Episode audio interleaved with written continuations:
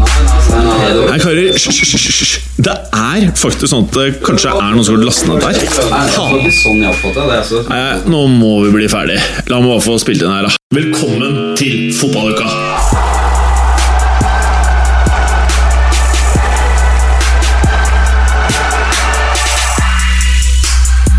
I dagens episode av Fotballuka Vi skal gjennom Premier League, hvor et lag fra Manchester vant gullet. Som for øyeblikket klapper seg på magen med 16 poengs margin. Vi skal gjennom PFA, Premier League Team of the Year, hvor halve laget har lyseblå trøyer. Lurer på hvem som rykker opp til PL neste sesong? Stay tuned. Lurer på hvem som rykker ned neste sesong? Stay tuned. Herlig La Liga, grusomme Liga Ø, topp syv beste liga i Europa, Bundesliga, og selvfølgelig Goalgetterligaen, Serie A. Alt dette og lite mer i dagens episode av Fotballuka! Fotballuka!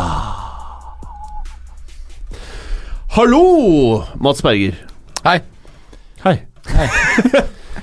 Velkommen tilbake. Takk skal du ha. Du har jo hatt en litt uh, røff uh, uke. Det var noen eh, litt røffe dager uh, der. Eh, det er helt, helt korrekt, men jeg er tilbakelagt kapitlet. Jeg ønsker ikke å snakke om det.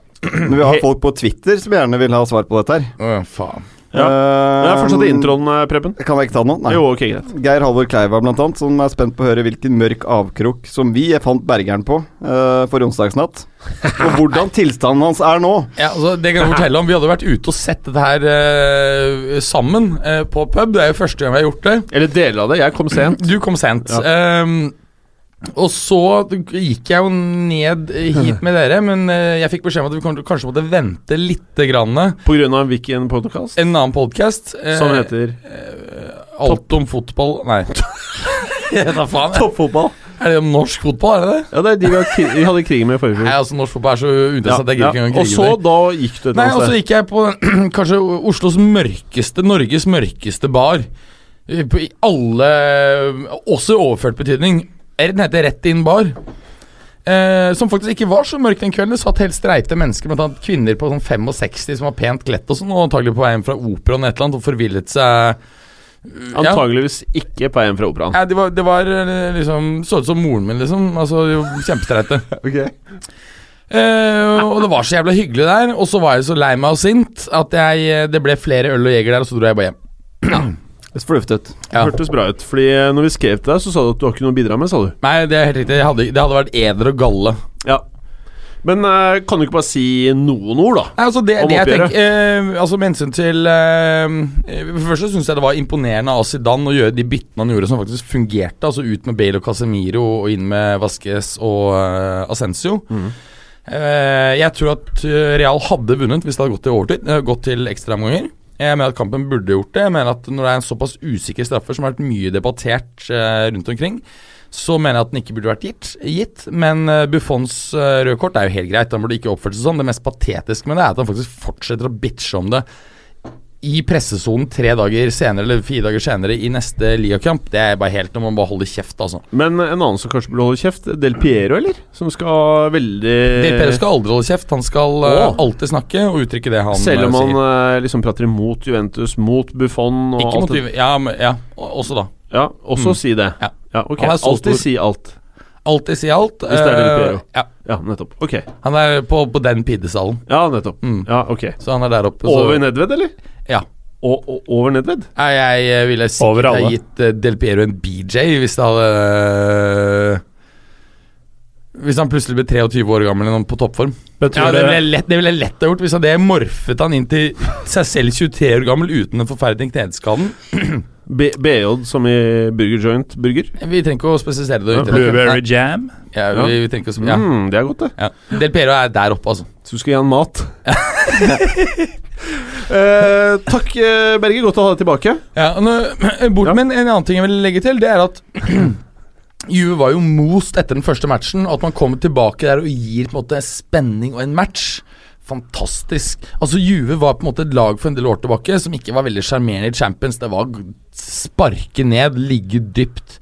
Og det U-laget jeg syns på en måte har øh, Det U på en måte har vist siste sesongene, hvor på en måte oppgjørene har vært fantastisk spennende, jeg tror også sett fra et objektivt øh, ståsted, jeg blir kjempeglad.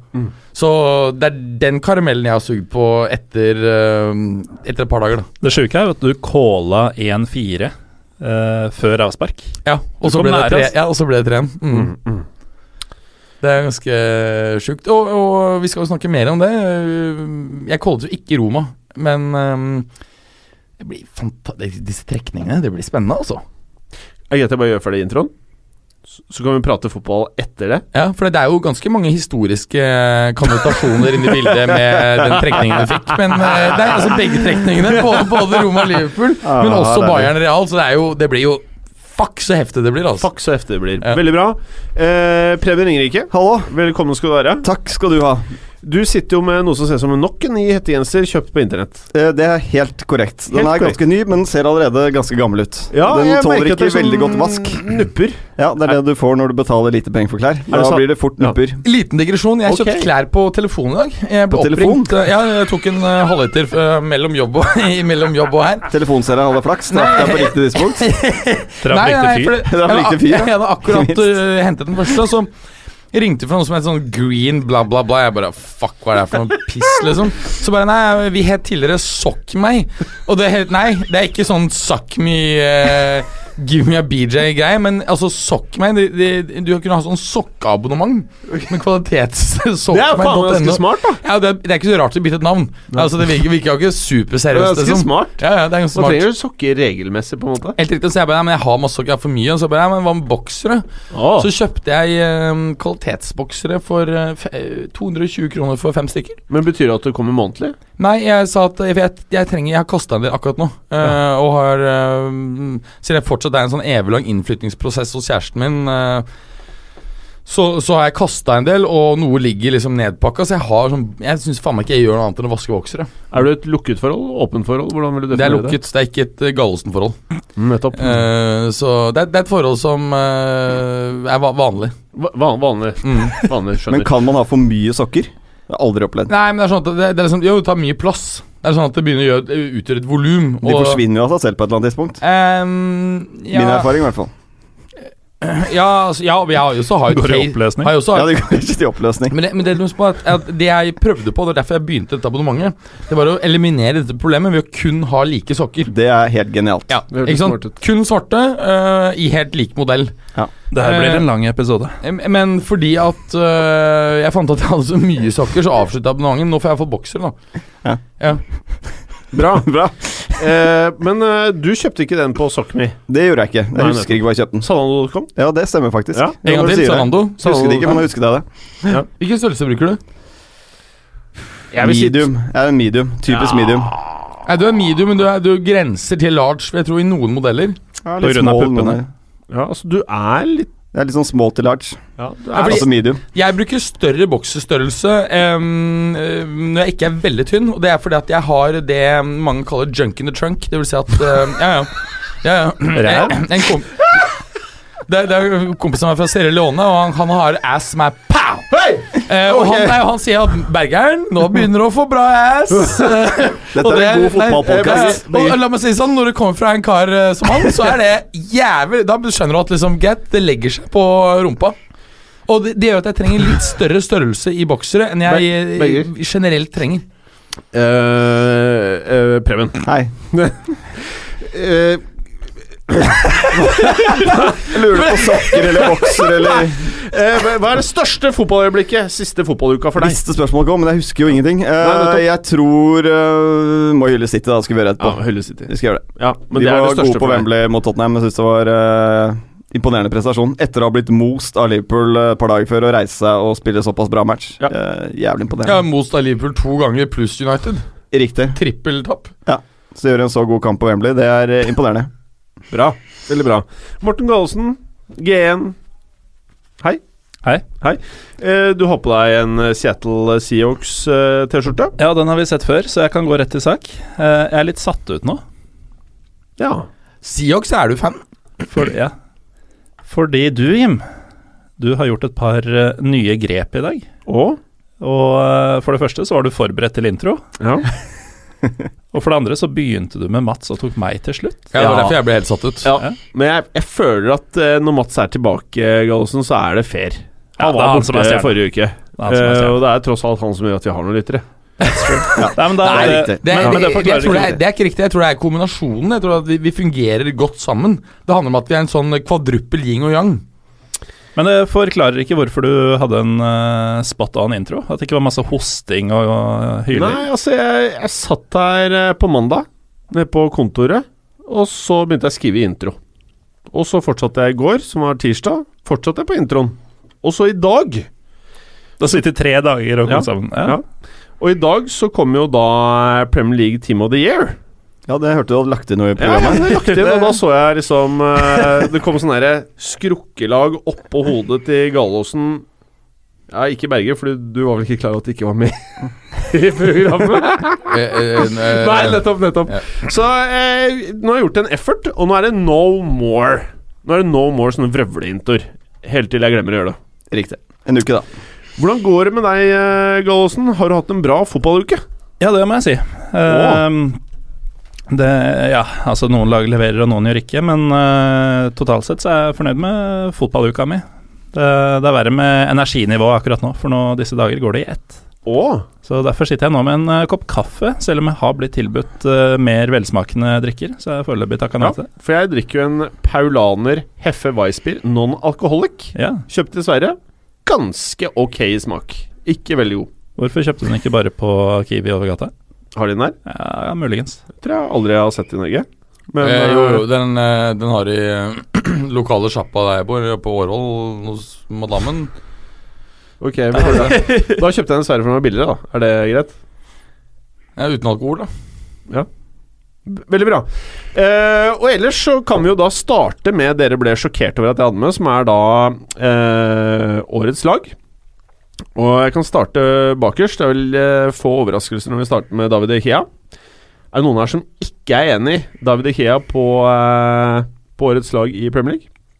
Nei, det er helt er greit. Så lenge ikke du kan putte inn Roma-spillere i Premier League-årets lag, så er vel han Kunne jeg fortsatt ikke gjort det.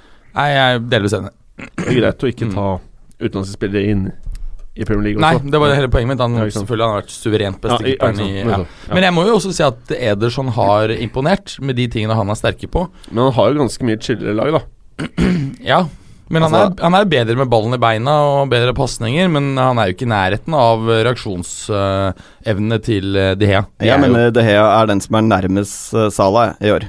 Årets spiller i Premier League. Han har reddet så ufattelig mye poeng for United. Han har vært helt vanvittig god. Mm. Han er bare en av verdens beste spillere. det Ja, som, ja, rett og slett. Ja, Mm. det, det som er interessant uh, Altså disse, Det er vel Oppda som har denne um, greia Oppda det- Joe, eller? Nei, altså, det er jo Oppda. Opta er jo Ikke Oppda Joe. Nei, altså, du har jo Oppda Sergio, Oppda Oppda Mats. Nei, Ja, det er den norske. Nei, det er vel Oppda Berger. Ja, ok. Jeg tror ikke det er noen norsk. Nei, det er ikke det. Um, Du kan starte Oppda Berger. ja, men du, du har det som heter altså da forventede skåringer. Når altså, en spiller er i en posisjon hvor det forventes å skåre, ikke noe å le av, Jim. Um, og han er jo den som da har, har reddet flest av skudd som det burde vært skåret fra, eller på, i den posisjonen spilleren er i. Hvis du legger inn at De Hea kun uh, redder det som er forventet, så ville United vært utenfor topp fire. Oh. Det er så fuckings ekstremt. Så, så jeg er helt enig. Eh, Jeg syns det er helt patetisk, og jeg blir sint. Direkte sint. Hvor noen- sint, liksom? Eh, altså sånn griseforbanna à la forrige eh, onsdag-forbanna. Når folk i det hele tatt nevner De Bruyne i den kategorien der. Han har vært fantastisk, men å påstå at han er i nærheten av Salah, er bare helt Ja, det er faktisk og jeg ganske mener, jeg mener at diskusjon. jeg, Når du sier det, jeg er så enig. Det er også over han. Han er den tredje beste spilleren i det, denne sesongen. Kanskje fjerde best. Hvem er tr- på tredje, da? Jeg vet ikke.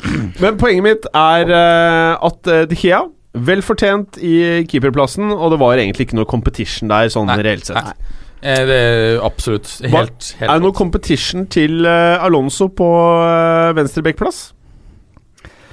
Eh, Robertson i Liverpool eh, har bare vist et halvår at han, han har egentlig bare fått spille etter jul, mer eller mindre. Og Ja. visste da at han eh, kunne utfordret hvis han hadde levert gjennom Altså på det nivået gjennom hele sesongen, så mener jeg han kunne utfordret Alonso. Ben Davies ganske jevnt med Alonso, syns jeg, Mm. Ja. den sesongen her. Ja, han er den som kommer nærmest. Ja. Noen venstrebacker i Manchester United da? Det morsomme med Robertson er jo at eh, han var jo linka til United eh, under van Hall-tida, hvor eh, alt han kjøpte var venstrebacker, og vi lo oss fillet av det ryktet.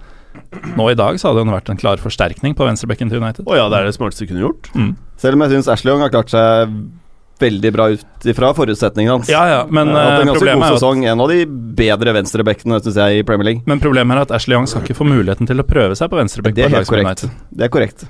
Men det sier også litt om ligaens venstrebacker når Marcos Alonso uh, er den som eh, får den plassen. Vi snakker jo om en ganske begrenset back, og grunnen til at han passer veldig godt i eh, en 3-5-2 eller en wingback-roll. da. Ja, helt riktig. Og det er nettopp Hadde derfor vært vi har en han her. firebackslinje, så tror jeg det hadde vært ganske annerledes. Da hadde vi ikke hatt den. For nettopp det jeg må si, er at, er at um, det er jo fordi han uh, Ikke sant? Det, du må, han må jo ha en fembackslinje. Det er jo wingback-rollen han er god. Ikke sant? Uh, I en, i en firebackslinje så ville han jo blitt uh, buttfucked left, right and center. Ville aldri vært i nærheten av å nevnes. Uh, Han i, sliter én mot én. Ja, ja. Men han var jo en åpenbaring på Chelsea som vant i fjor. Eh, husker ikke i farta om han var på årets lag da. Jeg vil tro han var det. Vi hadde den i hvert Lurer på om fall. det var Danny Rose i fjor. Ja, det Uten var, at jeg skal ja, si det 100 sikkert, så tror jeg muligens det var Dan Rose. Stemmer. Men uh, han er i hvert fall enten på eller contender til det laget to år på rad. Og i år er det spesielt imponerende i og med at laget ellers har, som Berger ville sagt, sugd ræv. Ja. en annen ting, Hadde dette kanskje sett annerledes ut hvis ikke en viss venstreback i City hadde vært skadet? Ok, Skal jeg fortelle meg hvordan det hadde sett ut hvis han spiller en, en firebackslinje, Alonso? Det er eh, Dere har sett um, Pub Fiction alle sammen? Nei. Når Marcellus Wallace ligger med en sånn der strepp i kjeften, spent over denne bukken, og blir tatt hardt bakfra. Han sedd. Sånn er det eh, hvis han spiller. Så, jeg, og, la og la meg si sånn Marco Solanza er ikke sedd som står bak, for, for å si det sånn. Men hvilken Chelsea-spiller er det som kommer med eh, samuraisverd og begynner å skjære opp Sedd etterpå? Er det Gary Cahill? Ikke. Morata, i hvert fall. Det, er- det, er, det er Christensen, uh, når han har fått to år mer på baken. oi, oi, oi, oi. Eh, nok. Nok nå. Eh, midtstopperplass så har vi en viss eh, Otamendi, som eh, for bare noen år siden så satt vi og, og eh, lo oss. og koste oss her over nok en måte å brenne eurosedler på. Bare noen måneder siden, føler jeg. Eh, Ja, det er ikke lenge siden Så det, hva altså. har skjedd? Jeg er ikke helt enig. Nei, altså, eh, For det første så har de vært gjennom blant annet Mangala, som ville kostet dem 1 million pund per kamp. Han var på ba- banen. Så liksom, det er, det er litt sånn blind høne fin- finner korn. Og så har det, det sånn Altså Kaster du nok ganger, så treffer du til slutt. Liksom. Det er jo litt der. Og med Citys penger så greier du også å få han til å bli. Ja. Så um, Men, men uh, Otamendi, han er vel jeg, vet- jeg vet ikke. Hadde han funka i uh, f.eks. Barcelona, Real Madrid, Bayern München, Juventus, Preben? Det er eh, Ja, det tror jeg han hadde gjort. Han hadde funka. Men det jeg syns han syns han er for lett å finte, rett og slett. Jeg syns han eh, blir lurt litt for ofte. Eh, Ja. Litt for vill i stilen, tar for mye sjanser. Jeg foretrekker de midtstopperne som er mye mer kontrollerende, da. Eh, Og som spiller, nettopp unngår å sette seg i en situasjon hvor de må takle. Ja, du har, uh, vi har vært innom Skrinja, den type spiller. Jeg syns Ferstongen er den type spiller. Aldevereld, også på sitt beste, er også den type spiller. Lager ikke frispark uh, omtrent i løpet av hele sesongen. Eh, og det er jo de midtstopperne du egentlig vil ha. Høres ut som du prater om Sergio Ramos. Nei, det, det, det, det, Han har andre egenskaper som er veldig bra. Det er, ikke sant? Og det, er, det er litt interessant, fordi at uh, Otamendi er egentlig en veldig upepsk eh, stopper. Nettopp fordi han må takle. Pep t- innrømmer det jo. Nei, vi trener ikke takling, og det skal vi aldri gjøre. Ikke sant? Nei, Da er du jo på etterskudd allerede, da, når Ja. du må takle. Da har du tenkt feil i utgangspunktet. Ja, så, så han er egentlig en upepsk eh, stopper, og nå linkes jo også Ryktes det jo at eh, City skal ha én til, rett og slett fordi at selv om Company har vært god denne sesongen, faktisk mye bedre enn vi har trodd, mer til stede, selv om han har hatt noen skadeproblemer, så, så forventer de jo at skadeproblemene vil fortsette. Uh, og da er spørsmålet hvem er det de som, som skal inn der? Jeg vet ikke, Hvis han ønsker å kjøpe dyrt og engelsk igjen, så er jo Harry Maguire, som er svak én mot én og defensivt, men decent med ball, Ja, det er mange beina. måter å kjøpe dyrt på. Uh. Eh, Makkeren Totamendi på årets lag er Fertongen. Der føler jeg vel det er få eh, spørsmålstegn. Er det noen som ikke er enig i det? Beste stopperen i ligaen i år. Ja, By far, jeg også. eller? By far? Mm. Ja, han har vært dominerende altså, i hele sesongen. Han har Ja. vært altså, jevnt høyt nivå hver eneste kamp. Spilt alt også. Ikke bare at han har vært så- god, men han har også faktisk eh, maskert svakhetene til Davinson Sanchez, som tidvis er totalt reckless når det gjelder posisjonering. Og det er klart at da er du god, altså. Men, det er, eh, det er, jeg, jeg tror Sanchez kan bli verdens beste stopper, jeg. men eh, potensielt. Han er fortsatt så ung, men, men det, er, det er en jobb å gjøre med posisjonerings- og taktisk arbeid der i gården, altså. Men en vi kunne hevet inn for Otamendi, mener jeg er Ben Me i Burnley. Hatt en kjempesesong. Eh, så er jeg igjen litt sånn spent på hvordan han ville fungert i et annet lag, da, som har mye ball. Hvis han tar steget opp. Jeg har sett på Michael Keane, som hadde en god sesong i, i fjor. Kommer til et lag som skal ha litt mer ballbesittelse, og da ser man plutselig alle svakhetene med en gang. Men det har vært spennende å se Ben Mee i en toppklubb. Er ja. van Dijk etter overgangen en eh, fyr som er med i diskusjonen, syns vi? Absolutt. Eh, han har vært god, Ja. eh, uten jeg, jeg, tvil. jeg, jeg mener at uh, hadde vi uh, Hadde han kommet ved preseason til Liverpool, så tror jeg vi hadde sittet her og satt han selvskreven i øh, årets lag. Mm, mm, Han har mm. vært Jeg synes han eh, Vi var kritiske i starten, snakket om noen småting. Men det er jo noe med Selv om ikke du ser han så tydelig, så ser du at Liverpool er bedre defensivt nå enn for seks måneder siden.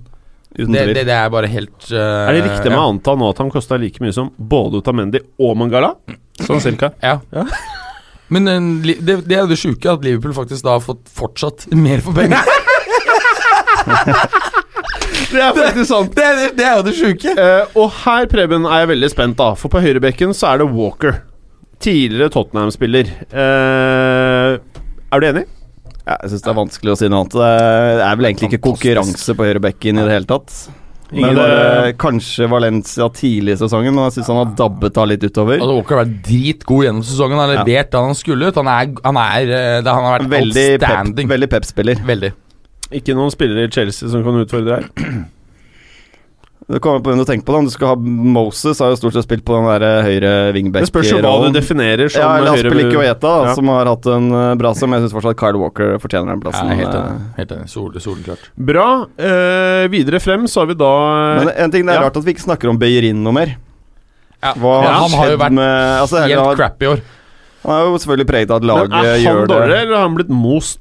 Blitt Han har most. blitt most. Nei, blitt most. Ja. Ja.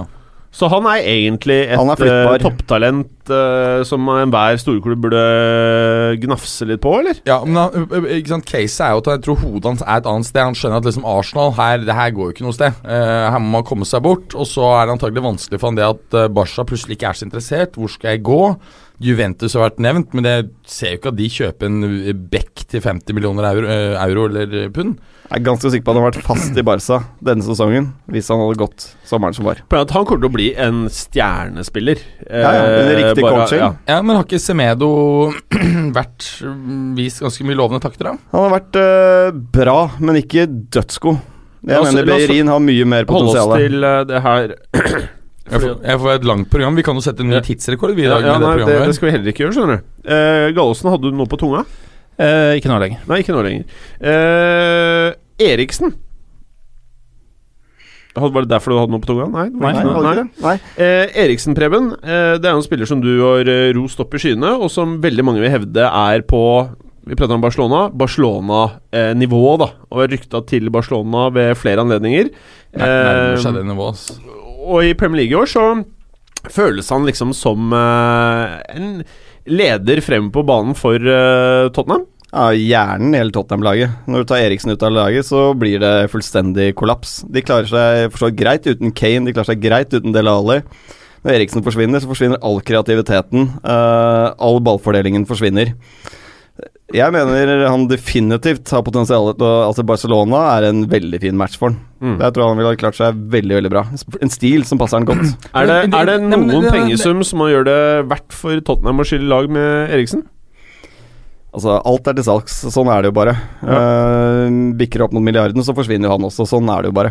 Tror du han får gå så billig når Levi trekker i trådene, og prisene har blitt så sinnssyke altså bare på det siste året? Nei, de, jeg, det er jo naturlig å sammenligne han med Coutinho, tenker jeg.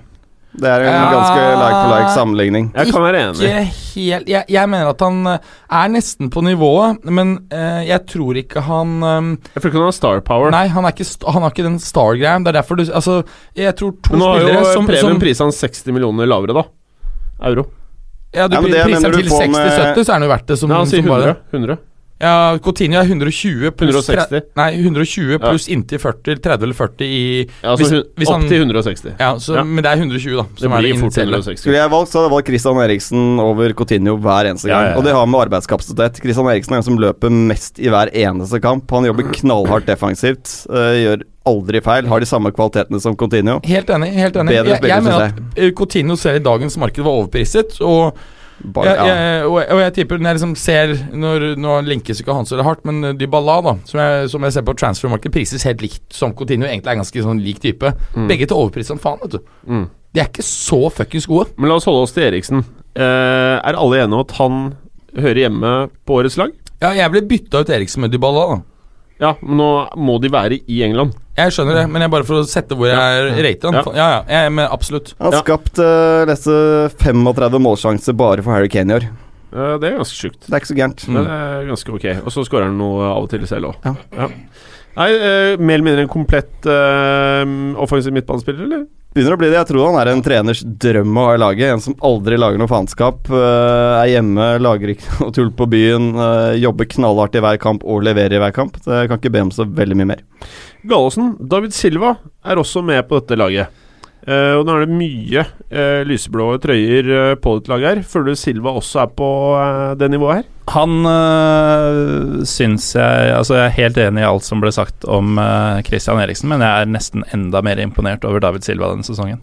I et City-lag som har dominert fra starten og gjennom hele sesongen, så er det han som har vært dynamoen, sammen med Kevin De Bruyne, som for øvrig også er på denne midtbanen. Men øh, de to har vært helt enestående øh, gjennom hele sesongen. Altså ikke noen formdupper. eller for så vidt hele City-laget. Men øh, David Silva syns jeg det er ekstra kult med, fordi han er ikke den man Skal du nevne fem-seks City-spillere, så er det aldri han, liksom. Inntil nå, da. Ikke nå lenger. Nei. øh, men øh, husker vi satt, satt i fotballuka i forrige eller sesongen før det og snakka om at han var for treig, og at han ikke hadde de stjernekvalitetene som de andre. Eh, han har gjort det til skamme. Og Mm. Det er en tid Altså, han har jo blitt eldre. Man skulle tro han ble enda treigere, han har bare blitt mye smartere. Mm. Og um, de kjøpte jo en haug av lignende spillertyper i, eh, i sommer og året før det. Han er den siste til å bli danka ut der. Mm. Jeg syns det er vanskelig å skille Silva og De Bruyne på den sesongen der. Ja. Over hele sesongen. Uh, kjempesesong av David Silva. Mm. Og så føles det kanskje Jeg vet at eh, mange har poengtert dette at det er De Bruyne som får ordren av Guardiola på sidelinjen, men jeg tror at eh, David Silva trenger du ikke å gi mer ordre. Mm. Jeg tror han bare Han er der. Han skjønner greia, og jeg tror på mange måter at han, litt sånn under radaren, er spilleren som utfører de tingene Pep har sittet eh, og innprinta i gjengen. da Snakker om intelligente fotballspillere. Der har du en av verdens fem-seks mest intelligente fotballspillere. Eh, og på denne lista så har vi da selvfølgelig lagkameraten til David Silva, Kevin De Bruyne. De Bruyne. Eh, det er vel ikke så veldig kontroversielt å dytte han inn her eh, også, eller? Det Nei, som var. Det som var kontroversielt, var jo da Guardiola valgte å kjøre en dypt. Mm. Uh, rett og slett fordi han ikke hadde noen andre, og det har jo fungert genialt. Noe som gjør at den treeren som PFA har satt opp her, da, med De Bruyne, Eriksen og David Silva, eh, nesten kan kalles balansert. Ja, Kunne fungert, den, altså. Den treeren med David Silva, De Bruyne og Eriksen. Eriksen. Ja, da er det Eriksen som må ta det balanserende arbeidet, da. Nei, Ja, nå sa vi noe helt annet mens du var på do. Ja. KDB. Uh, men uh, alle er enig i De Bruyne på dette laget her. Ja, ja, ja. Ingen kontroverser her. Absolutt. Eh, men så eh, ønsker jeg å utfordre litt eh, grann her. For at eh, de har dytta inn Aguero. Og for meg så syns jeg både Sanne har vært god. Jeg syns Stirling har virkelig eh, overraska meg positivt i år.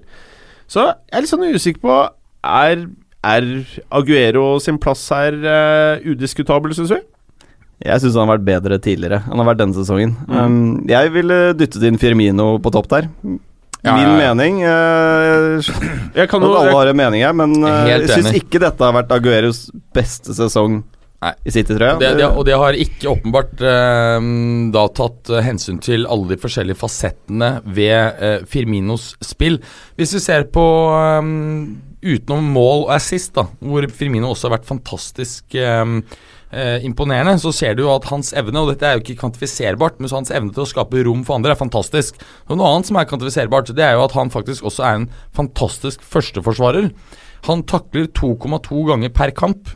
Vet du hvor mye Aguero takler per kamp? 0,6. 0,2.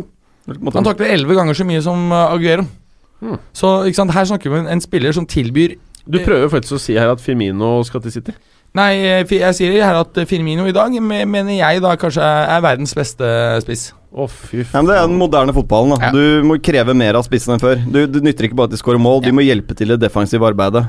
Og, og det han gir Firmino deg ja. Det han gir deg, det er at han gir deg um, Altså, han skal Ikke bare at han, han scorer og assisterer, men i tillegg så gjør han at du får frem det beste i vingene Ja, ja. dine. Ja. Ikke sant? Det er det uh, jeg mener at han er Altså, han er det skal sk- Ja, ja la, oss han ta, er la, oss, la oss ta de to andre fremme på banen der også. Uh, vi gidder ikke engang å prate om uh, Mo Salah. Han er jo Eh, helt suveren, er- selvfølgelig. Ja. Han er selvfølgelig på laget. by Ja. far. Ja. By far, by far. Du, eh, Runa, Ja. Er det 40 mål i alle turneringer nå? Han har runda Ja. for Liverpool. Ja. Det er vel bare Cristiano Ronaldo Ja. som har gjort det i Ja. nyere tid, i hvert fall. Ja. Helt riktig. Runda 40 mål. Mål i alle turneringer. Ja. Og det sjuke er at Ronaldo sto med fire, fire ligamål. Ja, det er tidligere i Premier League, da. Altså oh, ja, I Premier det League eh, Ja, er for han har jo runda 40 mål på i ja, år Messi og. Ronaldo har gjort det i ti år på rad, så det er jo en annen Det er sak. så sjukehus. Ja, ja, det er at- sykehus. Vi må forholde oss til laget her nå. Og sistemann er Harry Kane. Ja. Jeg føler den også er ganske grei. Ja. Eh, men så er det Aguero. Eh, jeg føler vel at vi feil. Eh, burde bytte ut han i dette laget. Definitivt. De har ja, dytta inn de tre med flest ligaskåringer, rett og slett. Ja. Ja. Og de to, to av dem har jo dominert fullstendig. Han tredje har jo ikke engang vært fast på laget. Mm. Nei, sitt. nei. Noe som gjør det egentlig for så vidt imponerende nok at han er tredje mestskårende, når han har vært bytta på plassen med Jesus i deler av året. Og vi snakker om dette som en litt sånn halvsesong for han.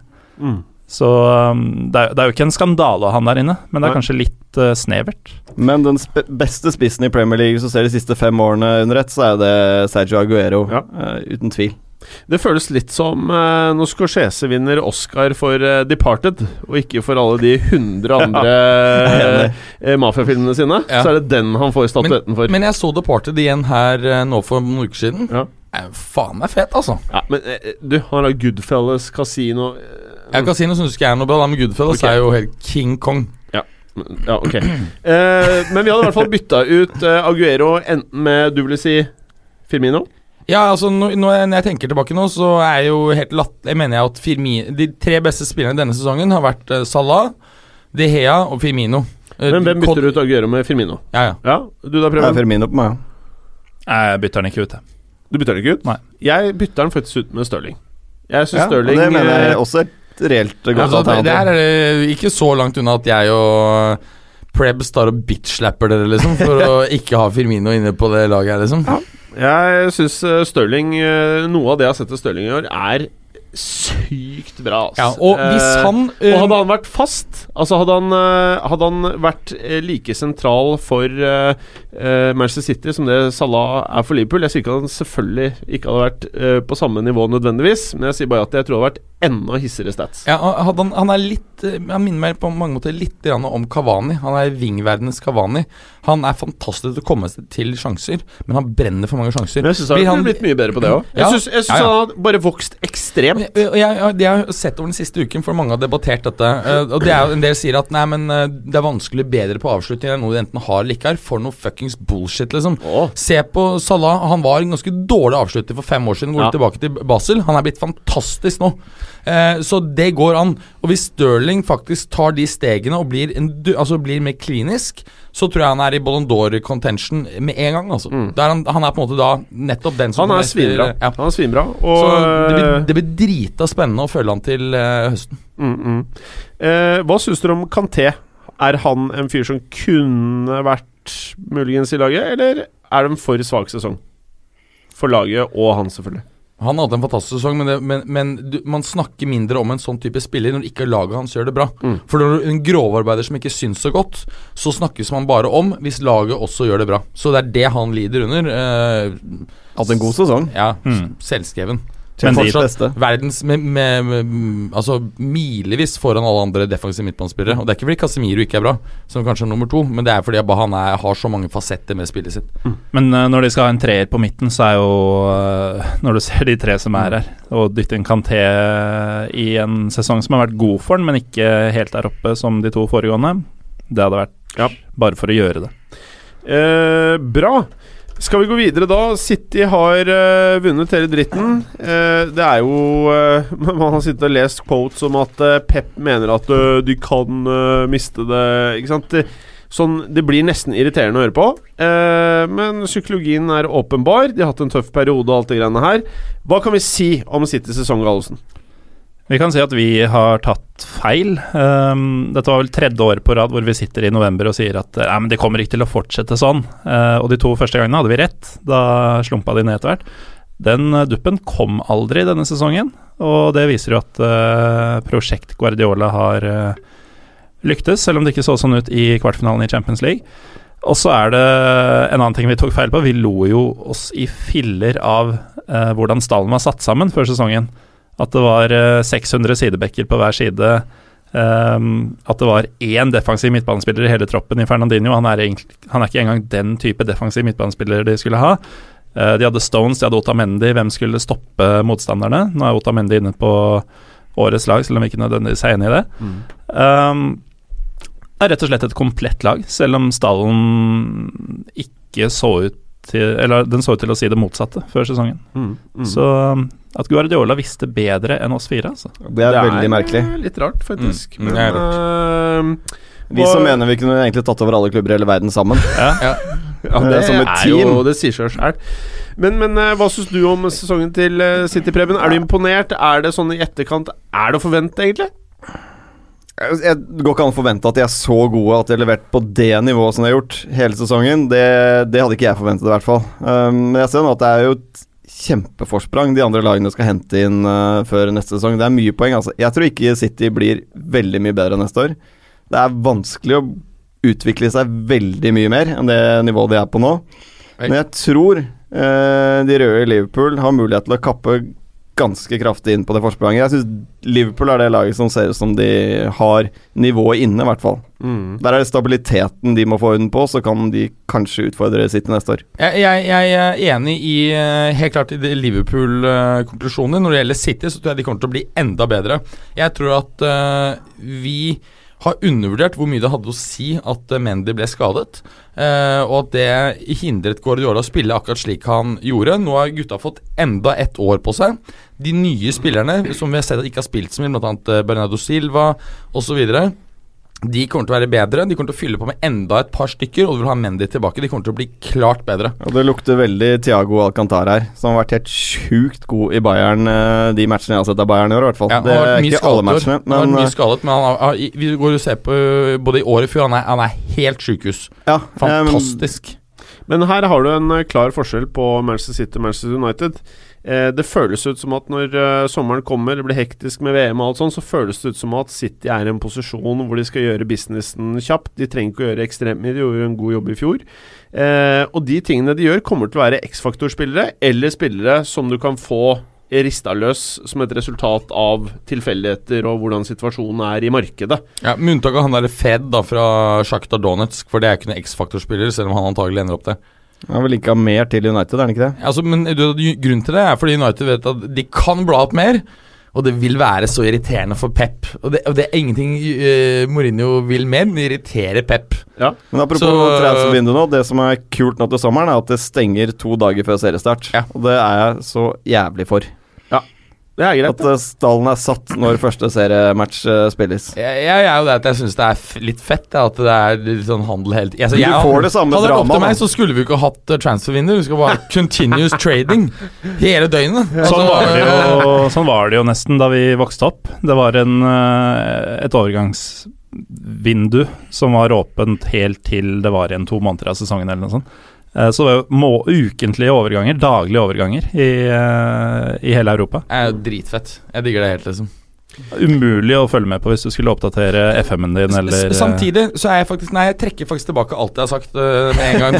og det og grunnen er at um, hvis du hadde hatt løpende handel hele veien, så ville det gjort at, eh, gjort at eh, du ville fått mindre i intensiv handel om sommeren. eh, og dermed så ville vi ha fått døllere sommer, som har vært vanskeligere å komme gjennom.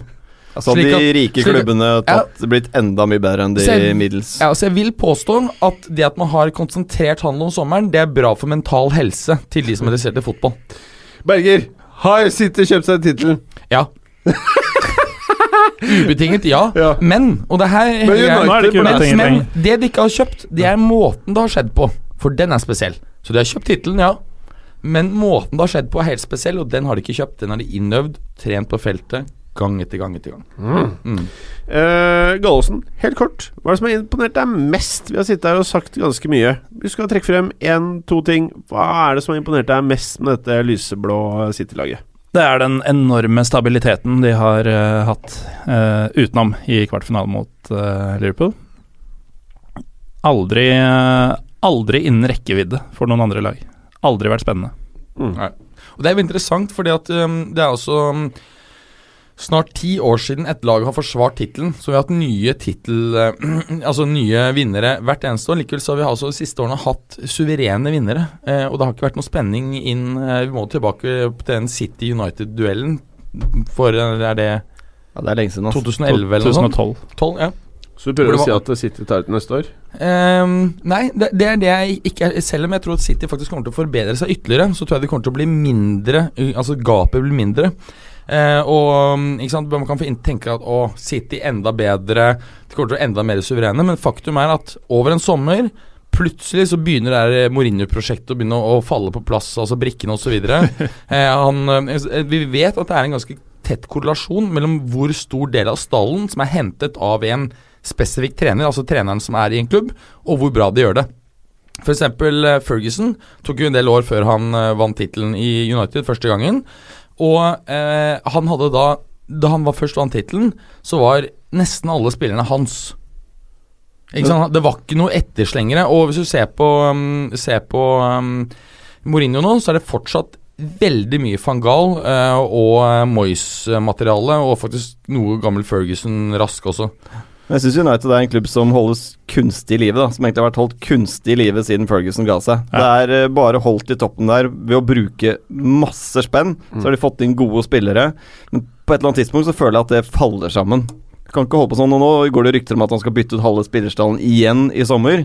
Gjør de, da, gjør de det, så blir det jo null kontinuitet. Så må de bruke neste sesong igjen på å spille inn et lag og få inn en rytme. Ikke halve, men det, det kommer til å bli noen utskiftninger, og det, det må de. De må fortsette å bygge. Det er eh, United er ikke i mål i det hele tatt, og det er jo delvis fordi at hvis du ser på det prosjektet her nå, så har det store likhetstrekk med det opprinnelige Galactico-prosjektet til Florentino Perez i Real Madrid. Man kjøper spillere sånn litt på gefühlen, for det er et stort navn. Forskjellen er bare at han kjøpte de aller største spillerne. United kjøper de nest beste spillerne til toppris. Og det er en forskjell kanskje ikke alltid prosjektet. nest beste heller. Enda under der òg. Ja, det er mye Nei, det har vært mye rask, det har det. Men, Ja. du, du, men samtidig, da, altså hvis, hvis vi da ser at uh, Bale f.eks.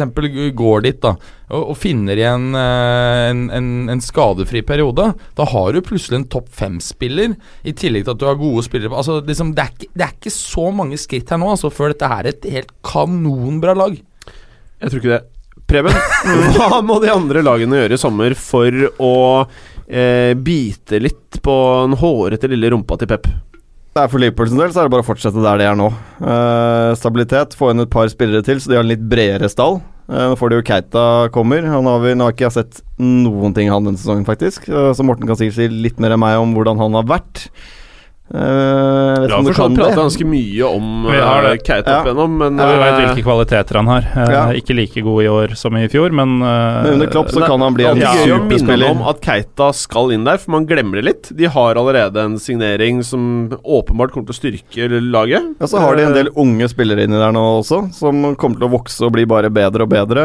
Eh, De kommer til å videreutvikle Klopp-spill. Så jeg tror Liverpool er det laget som har i hvert fall størst potensial da, til å tape kampen med uh, City. De andre lagene var innom United. Jeg tror ikke United uh, er der neste år. Jeg tror fortsatt de må bruke en sesong til på å prøve å sette en stall og prøve å feile litt.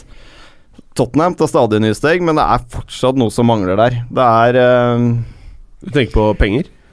Ja, det er jo én ting, men øh, det andre er at de, de er for avhengig av Christian Eriksen. De trenger noe mer av de verdensklassespillerne da, som vi egentlig har etterlyst uh, flere sesonger. Penger.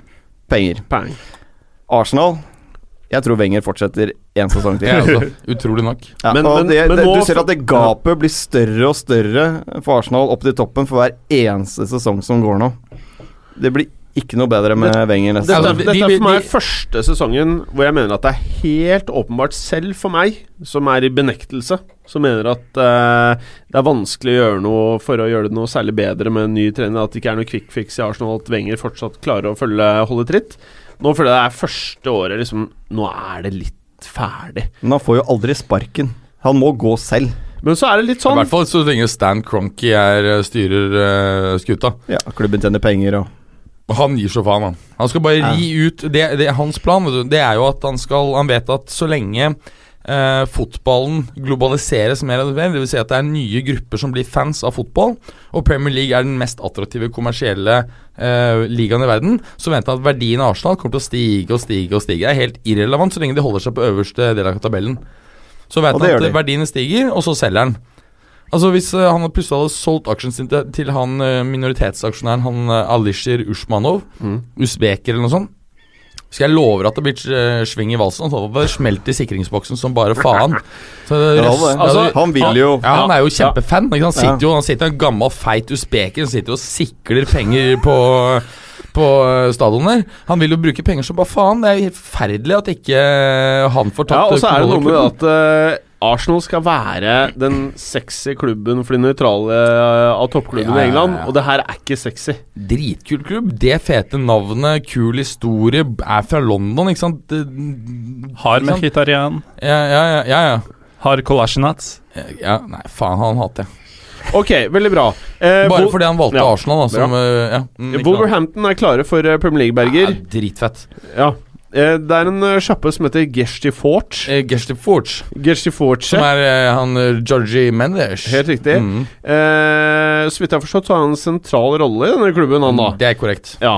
Eh, Altså, kan, et- et- kan de utfordre til eh, Kan det være årets overraskelse i eh, den fæle engelske ligaen til neste år? Nei, fordi at eh, alle har forventninger om det. Det er som, eh, som en del har påpekt, at du har et halvt dusin spillere der som i realiteten er eh, Premier League-nivå. Altså Vi snakker jo om en klubb altså i championship som hentet et av de feteste talentene i Portugal, i Ruben eh, eh, Neves. Nesh. Nevs. Mm. Du kan si Nevs eller Nevers. Nevers. Eh, jeg velger å si Nevs. Men ehm, eh, Ikke sant? Og som hadde kanskje årets mål her forleden. Så dere det? Ja, jeg så det. Det var helt Nei, Forklar det. Forklare sånn, Forklar det. eh, Egentlig et dårlig første touch. Ja, det, det- det er ganske greit inn. Ja, ja. Altså, hvordan er det? Fortell. Ja, det er, jeg husker det er en klarering, tror jeg, som han øh, prøver å hente ned på 25 meter. Så får han litt bak seg. Ja. Så bare kelker han til på volley allikevel med ballen litt øh, bak seg, og måker han i lengste kryss. Ja. Det, er ikke, det er årets nest heftigste mål etter Ronaldo sitt Oi. eh, mål. Fordi det, det er Ronaldo sitt mål er mye sykere, fordi at å treffe Altså, ja, Ja, men alt. ikke bare det, men uansett teknisk så er det liksom så umulig å gjøre. Men det er en årets nest heftigste mål i Europa, tror jeg. Dette her er jo podkasten hvor det er lov å skeie litt uh, ut, men la oss prøve å skeie litt tilbake til det vi prata om her. Wolsherhampton. Ja, nei, jeg, jeg um, Jeg er spent på rekrutteringen, da. hva de kommer til å hente inn. Ja, jeg også. Men det du Jeg tror det, det, Falcao bare rett inn Nei, og det tror jeg ikke er en god trade å gjøre med den lønnen og så videre. Nei, jeg tror du vil få spennende eh, spennende portugisiske og brasilianske spillere. Eh, jeg ser ikke bort fra at vi kanskje kan få se en eh, Bruno Fernandes, eh, Sporting Lisboa-spilleren som har vært eh, fantastisk i år, kommer til å være med til VM. Han har bare fått fire landskamper foreløpig, 23 år gammel. Kan både spille sentral midt, offensiv midt og andre spiss, og han er like god i alle rollene. Du har jo vært eh, opp gjennom de siste to årene eh, en av de i Norge med de heteste rapportene på eh, William Carvalho. Ja. Eh, og, vi endelig vant i Premier League? og det har jo vært Det som har vært problemet med rapportene dine, er jo at eh, At han har eh, funnet på dem selv. eh, eh, Nei, og det er jo at eh, eh, sjefen i Sporting Ja. Han er jo en liten snåling. Tenker du på treneren eller eh, presidenten? Sjef, presidenten. Presidenten, ja, ja. Ja. Jeg må si det sånn, Det er ikke uvanlig å være en snåling når du er klubbpresident i Sør-Europa. Nei. Han er ikke unik, det. Nei. Men han, det er ganske unikt å suspendere hele laget, holdt jeg på å si. Ja, det, det, er, Det er unikt. Det, det, er, det er unikt. Det er vel omtrent bare han Maurizio Samparini på Palermo som kunne, kunne Men eh, eh, kan Når du ser på rapporten og analysene dine, ja. kan Oppdaberger si noe om eh, hvor Carvalho kanonoptiden står? Og det jeg prøver å komme frem til, er det litt Wolverhampton her? Det kan det Ja, men er han Menders uh, Jeg vet klient, ikke. Du da? kan jo ta et dypdykk i Eh, rapporten. Jo, det kan jeg jo ha I rapportarkivet. Jeg tar, jeg tar, det, tar det rett fra rapportarkivet med en gang. Nei, det er det han ikke er. Sånn. Han er, uh, han har, han har me, media, media Based Sports som agent. Ah, kjedelig. Mm. kjedelig. Så det er, det er antagelig derfor han ikke har gått. Det er dumt. Han hadde gått for lenge siden. Hvis Tenk å ha. Raiola i dag, da! Ja, Og bare voff. ja, ja. ja, ja. Ehm, så jeg, Men- hå jeg håper jo det, men jeg, jeg vet ikke helt hva jeg skal si. Altså, jeg venta på hva tror du skjer med. Wolverhampton? Tror du det blir en god sesong, eller tror du det er en nedrykkskandidat? Nei, nei, nei, nei, nei, nei, det er ikke nedrykk. Er Jeg tipper at de ender um, i rundt tiende. Kanskje de ender opp med å kjempe seg noe over det.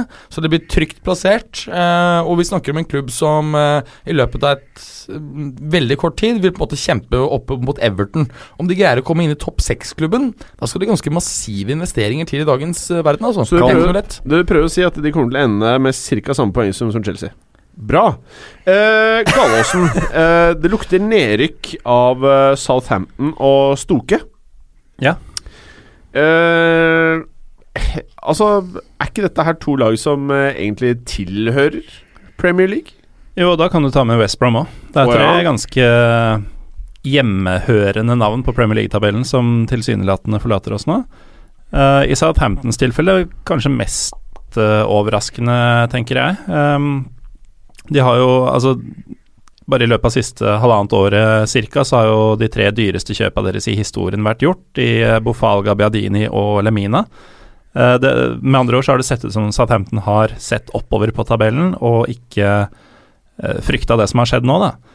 Og det er kanskje der det har feila for dem, for det er jo de årene hvor de var nøkterne og tenkte at nå skal vi kjøre inn våre egne gutter på laget eh, og bare være den lille sjarmerende talentfabrikken på sørkysten.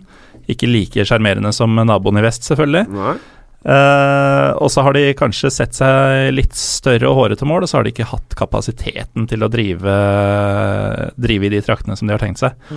Um, så har det jo vært uh, Pellegrino-ansettelsen var jo ikke spesielt uh, heldig. Um, han hadde en del rare, la, lag, rare laguttak.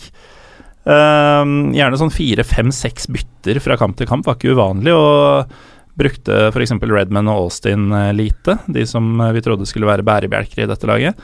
Um, Matt Letizier, han hører du på hvis du er i Southampton. Han var jo gang på gang ute og kritiserte dette, at du får ikke bygd en enhet uh, på den måten. Og også manøvrene under kamp, bytter mot slutten for å enten redde poeng eller, eller hente seg tilbake, det feila ofte. Uh, veldig mange poeng gikk tapt mot slutten av kampene under eh, Pellegrinos tid, og en periode hadde de faktisk eh, ligasystemets lengste rekke uten seier. Da går det til helvete. Du vet, Det er ikke mange år siden Southampton var eh, på fancy fotball, et av lagene hvor du bare skulle ha tre fotballspillere fordi at eh, de var kraftig underprisa og Southampton var møkkbra i ligaen. Ja, og her også er det jo noe gærent, da, fordi nøkkelspillere som man gjerne ville hatt med på fantasy-laget sitt, f.eks. Cedric Sares, Forster, Dusan Tadic, ikke minst. Disse har jo tidvis vært helt ute av det. Gjort masse feil, de to førstnevnte. Kosta baklengsmål. Eh, Tadic, som skal være både assistkongen og si kronprinsesse på toppskårerlista i klubben, har jo vært masse ute av laget. Ja. Og så er det Eh, mange som vil hevde før sesongstart at Ja. de hadde en ganske decent eh, forsvarslinje. Mm. Eh, hva skjedde der? Altså, de har jo merka at de er en liten klubb. De har jo mistet uh, alle de beste underveis her, uh, fortrinnsvis til, til Liverpool. Så tror jeg med den Pellegrino-ansettelsen, som ikke uh, var veldig suksessfull, så var nok det et forsøk på å få en slags Pochettino-type tilbake igjen. Uh, fyr med samme filosofi, Samme navn. samme navn. ehm, så, så det var nok et forsøk på å få tilbake noe av det. Og sånn i ettertid så skulle du jo aldri sparka Claude Puel. Nei, det tror Det også er jo også lett å eh, si nå, ja. men, øh, men det er jo det at de selvfølgelig ville De var- lyktes jo da med å sparke Nigel Atkins i sin tid, som hadde gjort det bra med klubben, fordi de følte at de ikke kunne ta de til et høyere nivå. Ansatte Pochettino, som fikk de til et høyere nivå. Jeg tror muligens var det de tenkte med Claude Pearl. da De trodde ikke han kunne dra de helt opp. Nei, for det, det er interessant, for det er jo ikke den eneste klubben som uh, står i fare for nedrykk, eller i realiteten har rykket ned, som gjorde en gigantisk tabbe med å sparke trener. Jeg tror aldri eh, West Brom hadde vært det hadde vært, hvis ikke de tok det valget de gjorde i fjor høst. Tony Pulis. er Ja, Nei, å sparke Tony Pulis. Ja. Det, det, det er helt seriøst. Det, det, er ikke, det er nesten ikke mulig å se at ikke de hadde snudd seg, altså. Ja, apropos Tony Pulis, så var du inne på, på Stoke også her. Jeg mener det var der det gikk gærent for uh, Stoke, uh, i den sparkingen av uh, Tony Pulis. Altså, under hans hadde de i hvert fall en tydelig identitet. Eh, det var et helvete å møte dem. De plukka poeng. De var stabilt Altså, de rykket ikke ned, for de ville ta så mye hjemmepoeng uansett. Men nå er det jo en klubb som folk egentlig gir helt lang faen i. Altså, det er ingenting. Altså, det er eh, De prøver å være mer ballbesittende, men eh, det er for dårlig kvalitet. Altså, det blir sånn verken eller, føler jeg, da. Så jeg føler at Darren Fletcher er sånn veldig fin uh, fint symbol da, på hele Stoke-laget. Det er sånn en god spiller, men That's it. who cares, liksom. Ja. Uh, Gallosen, med siste ting der. Tenker vi at uh, Southampton rykker rett opp igjen? Det vil jeg tro, så lenge de uh, ikke blir ribba på den måten de har eh, gjort de siste årene. Og Sånn sett er det jo heldig for dem at de har vært så ræva i år. Fordi hvem vil ha uh, Bofal, hvem vil ha Tadic, sånn som de har vært nå? Eh, så jeg tenker at de har en fair sjanse til å sprette opp igjen. Um, men eh, de bør jo lage en ny femårsplan, selv om, eh, selv om de bare er inne i fjerde året av den forrige femårsplanen sin. Ja, bra. Bra. Eh, vil du si noe mer om Stoke, Preben? Jeg trenger egentlig ikke gjøre det, men det, det er jo en klubb som hører hjemme i Premier League, som uh, definitivt burde være der, med mye historie. Ja. Uh, jeg syns det var kult med Stoke under Pulis-tiden, eh, å se de uh, innkastkampene der. og duellspillet. Det var gøy. Ja. Men eh, Stoke føler jeg er en klubb som eh, kan slite med å rykke rett opp igjen, faktisk. Mm, det Nå som de er helt sånn identitetsløse, så tror jeg de fort kan få en eh, det er Om ikke gå på en kjipt, helt Sunderland, da, som jeg også savner. da Vi hadde det veldig mye gøy med Sunderland Åh. i første sesongene av fotballuka. Men Stoke har vi egentlig aldri hatt det gøy med. Nei, vi har ikke det. Nei. Men Sunderland var morsomt. Ja. Stoke blir liksom tabellfyll i championship. Det er, det- Ja, de gjør det. det er- Og om de blir nummer 11 der, så er det ingen som kommer til å merke det. Uh, Sunderland er vel første lag på Er det 30-40 år eller noe sånt som greier å prestere å komme sist i Premier League, altså i øverste divisjonen, for så å ligge an til, eller og så eventuelt da, som det ligger an til, å bli sist i divisjonen under. Så Det er sånn kom for- kjøre en klubb i grøfta. Men det var så mye morsomt med laget. Altså, alle fyllehistoriene som kom derfra. Det, høye lønninger. Paolo Di Canio som trener. Ja, det var jo helt altså, nydelig. Ja, ja, det Det var tre år siden, vel? enhver fotballuka-deltakers Ja. store, våte drøm. mm. Vi må jo få det tilbake igjen. Det er longshot akkurat nå. Vi må, jeg føler vi må begynne å styre litt her fra studio. Ja. Eh, Berger, Serie A. Ja. Vi fikk jo liksom ikke uh, prata noe særlig med deg forrige uke. Eh, kan du gi oss en liten statusoppdatering? Ja, altså først ser litt på tittelkampen, da. Så uh, ligger Juventus nå seks poeng foran. Napolis uh, form fortsetter å være bob-bob. Tre uavgjort på siste seks uh, kamper. Ligger som sagt av seks poeng bak Juve, og, og det er før kveldens hjemmekamp mot Udinese, som startet for tre minutter siden, faktisk. Ehm, de møter Juventus nå til helgen. Vinner de den, i tillegg til at Juventus uh, taper uh, mot Inter uh, helgen etter. Og de må vinne den kampen mot Juventus med mer enn ett mål. Da ligger de faktisk foran. Så de kan fortsatt vinne. Er, selv om disse seks poengene med fem kamper igjen å spille ser helt sånn vanvittig vanskelig ut, så er det mulig, men det skjer jo ikke. Det er bare glem det. Glem det. Juves taper ikke nå mot både Inter og Napoli. Det er bare, det er bare glemme det. Det her er så fuckings kjørt. Det eneste interessante som er å se igjen her, er eh, kampen om Champions League. Det er dritinteressant.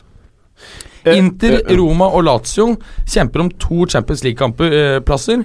Inter ligger på tredjeplass med to poeng mer enn Lazio og Roma, men de har én kamp mindre spilt. De vant 4-0 nå på mandag mot et eller annet sånn Crotone eller whatever. Um, og Det er det her som er interessant. Her er gått gjennom alle tre lagene. Roma har svak form i ligaen, eh, i motsetning til Champions League. Uh, og eh, de kan også påvirkes negativt mentalt av at de spiller i semifinale i CL. Dette er ikke vanlig for disse Roma-gutta å spille semifinale i Champions League.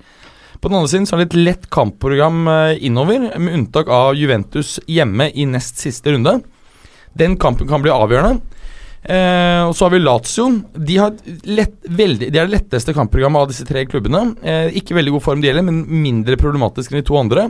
Røket i kvarten i Europaligaen forrige uke og trenger ikke fokusere på noe annet. Eh, frem til de tar imot Interet på hjemmebane i siste serierunde. Det blir fett. Det blir fett. Ja, eh, Så har de et eh, lett kampprogram. Møter lag midt på tabellen som har lite å spille for. Unntaket er Crotone borte, som ligger ett poeng over strek, unnskyld, under streken. Men har de da rykka ned, så er jo det walkover, antagelig. Så har du Inter, som er i ikke veldig god form, men som har kommet seg litt etter den katastrofeformen tidligere.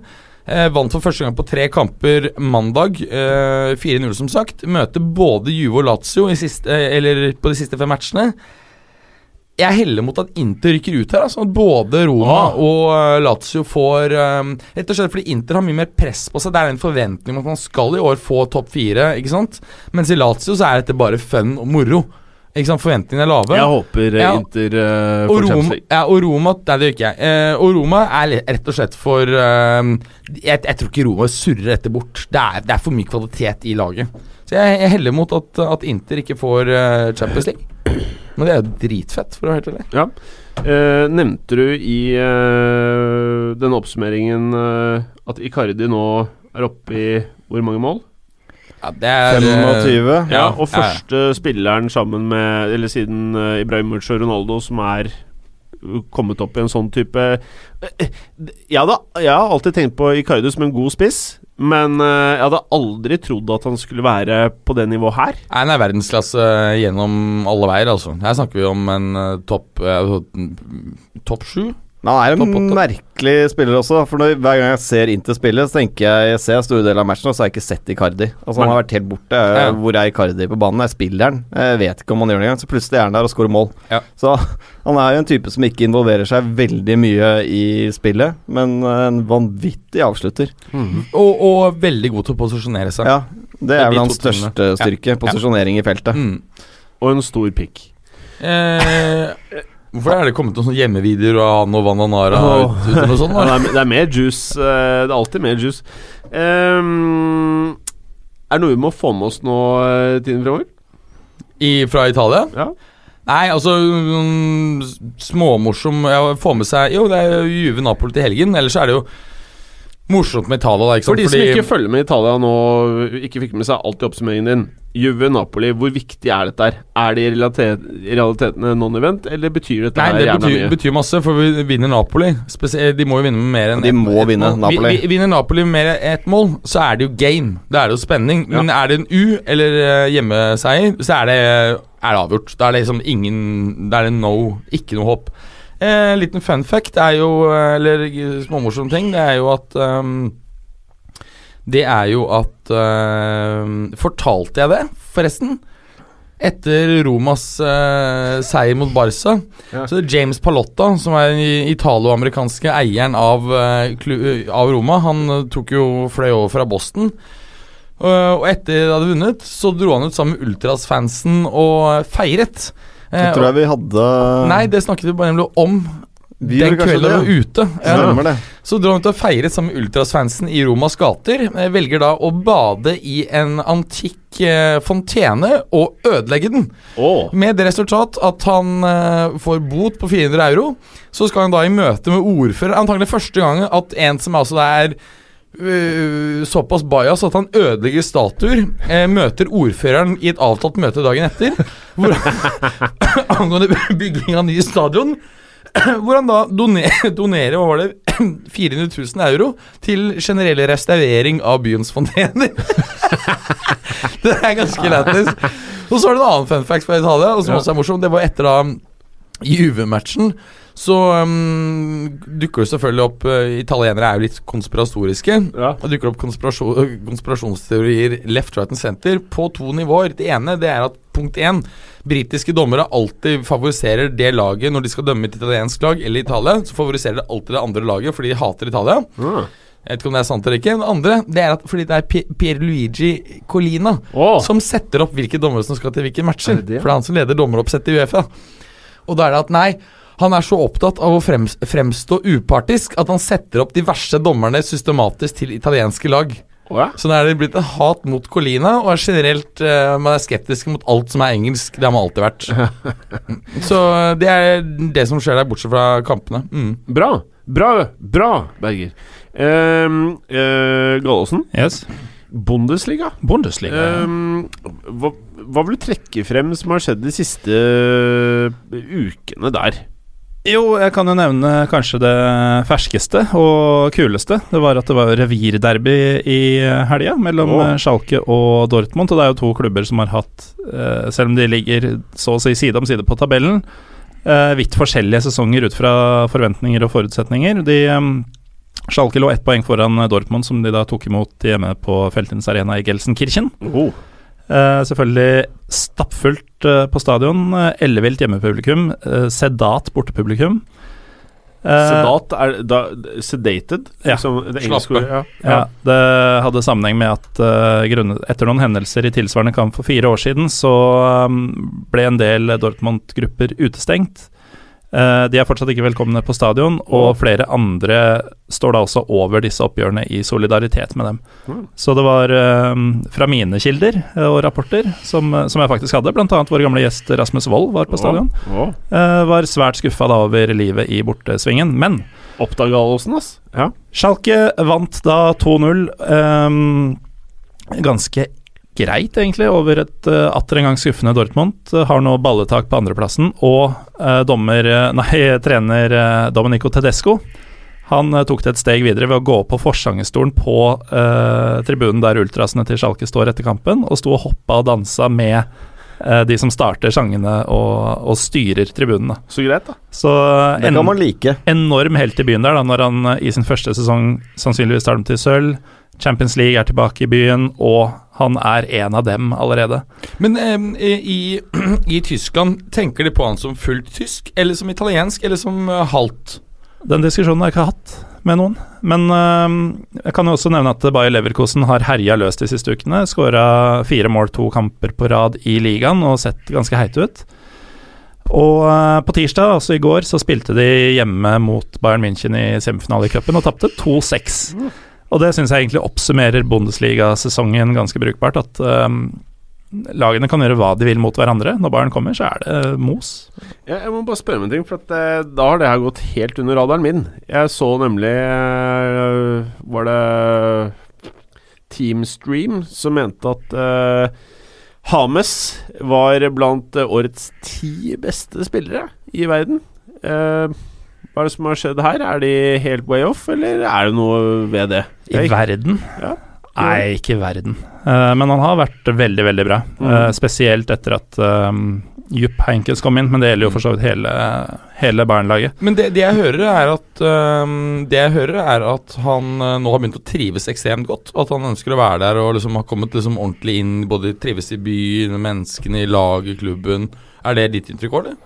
Ja, eh, igjen ikke en diskusjon jeg har hatt med Hames selv, men Så det er bare jeg Da- som får rapporter sånn direkte derfra. ja. Ja. Jeg eh, har jo inntrykk av at han er glad for å være en holdt på å si, ordentlig del av et fotballag igjen. da. Ja. Eh, og at han ikke har måttet trappe ned nevneverdig heller for å ta en litt sånn stjernerolle i en eh, klubb igjen. Så uh, jeg tror ikke for hans del at det betyr så mye at det er litt kaldere i været, at det er en faktisk vinter der. Ehm, eh, som det ville hatt for f.eks. Angel Di Maria. Mm. Uh, jeg tror han trives veldig godt, og jeg tror han kommer til å Hvor i, hvor i uh, Colombia er han fra? For det er jo et, det er jo kanskje det Jeg tror det er det landet i verden, faktisk, i forhold til areal, som har flest distinkt forskjellige klimatiske soner. Eh, ja, ja. Du er vanskelig å hanskes med i dag, eh, Mats. Ja, nei, men det, det er jo et av mine favorittland, vet du. Ja, Men da burde jo du vite dette. Ja, eh, så, så jeg Du har jo herja der så- nede. Nei, jeg, nei, jeg, nei, jeg har ikke, jeg har ikke herja der. Jeg, Brasil er herre hele tiden. Men mens, mens Berger finner, finner ut Kukuta. eh, ja, eh, Har, fordi, har du ikke vært Kukuta? Nei, jeg har bare vært i, i Bogotá. Eh, og det er, er, er kaldt, altså. Altså Fysisk kaldt. Menneskene er dritvarme, så det gjør jo godt. Øst i Colombia, Berger. Eh, øst i Colombia, Barranquilla oppe ved kysten der, er det varmt og herlig. Der er eh, Shakira også herfra. Mm. Hva du ikke veit, ass. Ja. Ja, det er bra. det er bra Hvor er dette her i forhold til eh, der narkoshendelsene finner sted? da? Ja, Det er langt unna. Det er helt Det er, det er eh, Narkos eh, foregår i eh, sør-vest. Det her er i nord-øst, altså ute ved karibiske kysten. Ok, Mm. nettopp Så Mens, eh, forgjengeren til Hames har ikke vært involvert, Ja, mest altså, sannsynlig. Til for, eh, det er veldig interessant i forhold til klima. Så der Hames er fra, ute ved kysten der, så um, Nei, han er ikke ute i kysten, faktisk. Han er på grensen til uh, Venezuela. Men det er jo så der er det tropisk. Mens det er jo interessant fordi området der hvor Medin ligger, uh, er et av de få stedene utenfor Afrika hvor det er tropisk savanne. Så det altså ser veldig litt afrikansk ut. Uh, ja, veldig interessant. Veldig interessant. Mm. Ant Antioquia heter, heter regionen i Colombia der. Mm. mm, veldig bra, Berger. Du og Drillo, ass. Hæ? Du og Drillo, sier jeg. Nei, det er sånn det heter. Ja, imponert, det. Eh, eh, bra rapporter. Eh, fortsett eh, med, med dyrkingen av Oppda-Berger. Hva skjer i helgen, Gallosen? Hvis i den grad du føler at du er ferdig med det første vi prata om her. Jeg var jo ikke det, men jeg begynner å bli vant til det. Men jo, for å svare på spørsmålet ditt. Ja. lørdag kveld, eh, Borussia Dortmund mot Bayer Leverkosen. Poenglikhet. Nummer Aha. fire mot nummer tre.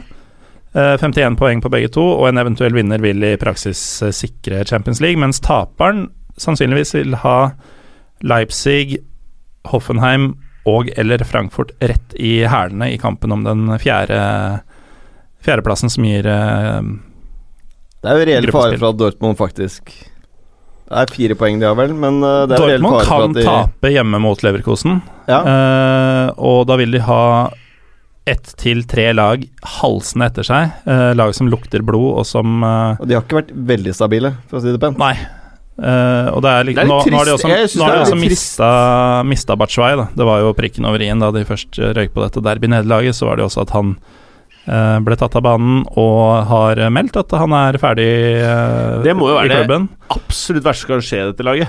Ja. Men, men hva tenker vi om Batshuayi? Fordi eh, Jeg- jeg- jeg- Morata, han, altså, er Ja. nemlig det, fordi Moratamann Han er jo negativ. Han har sagt til meg at nei, han har fått sjansen sin. Og jeg mener at han har ikke fått sjansen sin i det hele tatt. Ser du Jeg mener på Morata-mannen har choka vilt. Han har choka helt vilt på den der spisser. Ellers er han, han er en fin fyr, skjønner du. Men ja, han har ja, choka det er helt vilt. det er en fin fyr. Nei, nei, men han har choka vilt når det gjelder spissvalg for Chelsea. han sendte den ene duden på lån, og så Henta han en den Han en, Morata-mannen kjørte ut Costa, inn Morata, ut Bachuay. Ja. Det er ikke bra, Morata-mannen. Hvorfor gjorde du det her? Det her må du faktisk sende meg på Snap. Ja, hva hva gjorde det liksom. Det var ikke noe godt valg. Ja. Var Moratamannen også involvert i hentinga av Giro? Eh, det Nei, var, nei, det tviler jeg på, det Nei, tviler jeg på. Ja, men det kan ha vært Nei, pan en panikkting han gikk god for. For Giroud-greiene, det var jo bra. ja, det er jo det, ja. Ja, mye bedre enn Morata, i hvert fall. Det er han. Ja. Nei, så det Men, er du, jo men du veit jo at Morata kommer til å bli god med en gang han går et annet sted. Men det er interessant Han har fått. United-syndromet i Chelsea. De avslutter borte mot Hoffenheim. Det kan jo faktisk bli helt avgjørende match for Dortmund. Ja, og der føler jeg at Nagelsmann har eh, vil, vil jo komme i en litt kinkig situasjon, da, fordi han er jo etter alle solemerker den som skal ta over eh, Borussia neste sesong. Det er ganske fett hvis han sender de Hoffenheim opp på Champions League-plass og Dortmund i Europaligaen. Og han er uh, typen til å gjøre det. Altså Han er selvfølgelig proff nok til å tenke på sin nåværende arbeidsgiver. Han er også definitivt kløktig nok til å mose Støger langt ut på sidelinje. Kan jeg stiller et spørsmål eh, knyttet til eh, Bundesliga? Ja, Så lenge det ikke har med subtropiske klima å gjøre. Den, den, nei, det er, ikke, det er ikke klimatisk orientert i det hele tatt. Um, eh, spørsmålet er egentlig Fordi liksom, Du har jo disse to unge hotte Julian Nagelsmann og Domenico Tedesco. Um, Tedesco har jo prestert bedre med sitt Schalke enn Nagelsmann har med, med Hoffenheim. Enormt mye større ressurser òg. Er fordi, liksom, fordi Schalke er jo egentlig en storklubb. Hoffenheim er på en måte verdens klubb vi har, blitt uh, kjent med som får frem talenter. Altså En ting er jo Firmino, men vi har også hatt eh, han Chinedu og Buke, han som spilte i Lyn en periode, um, osv. Men, men på en måte eh, Har du noe innt... Fordi For meg som ikke følger det så tett, hvordan vil du rate kvaliteten og egenskapene til disse to trenerne opp? Er- Eller er det på en måte umulig for man ikke har sett nok over lenger nok over tid ennå? Ja, spesielt uh, Tedesco har bare hatt førstelagsjobber i um, ja, under halvannet år, i 16 måneders tid. Ja, ikke sant? Uh, så han er det jo vanskelig å si, men de har jo gått uh, samme skole, bokstavelig talt. De gikk vel i klasse sammen, hvis jeg ikke tar helt feil, på det tyske trenerakademiet. De er begge um, Ja, de, de er veldig taktisk orientert, begge to. Uh, innovative. Og Nei, jeg tror, eh, tror det er vanskelig å si helt uh, Holdt på å si nesten hvem som er hvem av, av de to foreløpig, men det, at det er to av de absolutt heiteste trenertalentene i Europa, og derfor Verden. også verden, det er det ingen tvil om. Så er det jo et spørsmål da om uh, Nagelsmann er klar for en så stor jobb som Dortmund. Han Eh, bikka 30 nå, eller? Ja. Det hvis, er sjuke greier, hvis Tedesco Ja. med fire måneders uh, A-lagstrenererfaring på andre nivå kunne ta over en klubb som Schalke med bravur, da kan Nagelsmann ta Dortmund. Men det er Ja. kult med tyske klubber, da, at de faktisk gir de sjansen. Det er fantastisk. Og at de lykkes. Ja. Det er helt nydelig å se på. Men uh, vi har prata om det år etter år her. Jeg mener at uh, til neste år må vi komme oss til Tyskland alle fire og se en Ja. match i regi Gallosen Yes. som tar oss med på noe Berlin-faenskap. Berlin. Ja. Berlin er fett. Skal vi Ja. både, kanskje både se. Skal vi kanskje både se en uh, Union-kamp og en uh, Bundesliga-kamp? Det hadde vært veldig kult. Nå har vi fått med oss måtte, begge, um, begge deler. Nå er du inne på gode rapporter. Eh, Jimmer'n var ikke så keen på å se Union. Jo, jo, jo. Ja, nå, er- nå er jeg faktisk eh, blitt medlem av Union også, så nå kan jeg kjøpe billetter i lukka salg. Så vi, vi vil faktisk kunne dra nesten når som helst. Det er dritfett. Oh, det kan vi ikke gjøre det. Jeg var er keen, liksom. rimelig godt, da. eh, Gal Gallosen i league eh. Så eh, Det er sånn, Jeg er entusiastisk, du disser det, og Preben holder bare kjeft. Jeg har familie og barn. her Ja, Men du har vel noe der nede òg som du kan besøke? Og har du ikke, så klarer du å ordne det. Tyskland eh, Så ni måneder senere så vi en grunn til å dra hele tiden! Preben du begynner å reke med nytt sånn Union-medlemskort han òg. Her skal du se på fotball! Ok. Eh, Gallosen. Dette PSG-prosjektet. I, i, eh, I notatene står det eh, 'det havarerte' eh, nok en gang. Mm. Eh, Har det havarert, eller er det bare Er det mer av det samme? Dette her er et lag som er satt sammen med cash, og ikke med kraftig nok knaing av testikler. Jeg begynner å tenke at de har kommet så langt som de kan. Eh, totalt suverene i uh, Frankrike. Ligagullet i fjor var vel det eneste av de siste åtte hjemlige titlene. Altså De har to cuper samt supercupen uh, hvert år, i tillegg til ligaen. De har vunnet samtlige fire, bortsett fra det ene ligagullet, de to siste årene. Vel å merke hvis de vinner den siste cupfinalen i år, og det gjør de jo. Um, å spille sammen et lag over tid med de beste spillerne i verden, det tror jeg rett og slett ikke er mulig å gjøre i liga. Fordi uh, uansett hvor mye penger du har, uh, hvor mye eh, Hvor kul by uh, kodene til spillerne syns Paris er, det blir ikke sexy nok å spille mot Gangamp og altså, Du har i praksis bare si tre-fire toppkamper i året, da. Og det er ikke kult nok. altså Neymar kommer jo ikke til å bli der i fire år og bygge en PSG-identitet. Um, så jeg tror um, og, og klubben virker heller ikke villig til å prøve. Altså, de har ikke um, Nå ryktes det at å bygge noe over tid. Ja, ja. Eh, det er snakk om å hente inn de de kan for å lage et eh, puslespill som faller sammen kanskje ett år, da, så kan de få dette ene Champions League-gullet, eller i hvert fall en finale. Eh, og så vil de kanskje være fornøyd med det. Jeg veit ikke om det går på kompetanse, eller om det Jeg tror ikke du skal undervurdere kultur. Du ser det igjen og igjen Mm. i de store turneringene. Du har Bayern der, du har Real Madrid der. Eh, Det er stort sett de samme lagene, og så er det selvfølgelig en og annen outsider som klarer å ta steget opp. Men det å bygge den kulturen, da, Mm. og som du er inne på, det, det har jo de åpenbart ikke tålmodighet til i Paris. Og så er det noe med dette her som Berger nevnte, med første generasjon Galactico uh, i Real. Du ser at det er litt de samme tendensene. De, de, de, de ser ikke liksom den derre klassiske makeleleblemma før det er for sent. Og du ser Altså- at Perez opererer veldig forskjellig nå. Nå er jo så Real Madrid er kanskje den klubben som gjør det mest smart på overgangsmarkedet. Altså, han lærte å mose seg sjæl. ja, ja. Snakk om læringskurve. Ja, Snakk om læringskurve, Berger. Eh, for at eh, Med PSG nå så føler jeg vel kanskje at eh, kanskje, de, kanskje det er sånn de lærer. For nå ryktes det jo om Canté, Casemiro, ryktes om mm. Becker som ikke er 35. Liksom Jeg håper de får litt mer fransk identitet. Jeg. At Ja. de kan hente da Ja. de beste franske spillerne istedenfor. Og mange av de beste, og beste spillere i verden er jo franske, så det er jo litt rart. Ja. Og det er og det- og det en er klart sjuk VM-tropp. Ja, og det, er- det er klart at uh, Men de har en trener jeg tror har en del begrensninger uh, For å være helt ærlig. Jeg tror ikke Men han har det ikke mye lenger. Nei, det, men de har han til sommeren. Så mm, Men det er en annen ting. Jeg synes at Det gjorde ikke vi for to år siden da det var EM, men jeg syns at denne gangen så skal vi dekke VM, og vi skal dekke det fuckings fyldig. Ok, ok, Og jeg, men og jeg skal til Portugal, og jeg kan ringe Kjøre rapporter? Jeg kjører rapporter direkte. Jeg, jeg skal på både besøke Benfica Sporting eh, sammen med Bjørn Christian Stadheim, Ja. som har vært eh, gjest her. Hvis Vi begynner der, så jobber vi oss bare nedover ned til beachen i Algarve. Vil du kjøre rapporter left, right and center? Definitivt. Definitivt. Mm, veldig bra. eh, Og det kan fort komme opp noen eh, blessings in Ja, disguise det, der det, også. det høres ut som en blessing in disguise for oss som mister deg i studio, men som da får igjen rapporter. Ja. Gallosen vi får Norges beste fotballkast på norsk fotball inn i studio om under ti minutter. Så derfor tenkte jeg å høre med deg. Hvem er det som tar over etter Unai Emery? Nå tyder jo alt på at det blir Thomas Tuchel, Ja.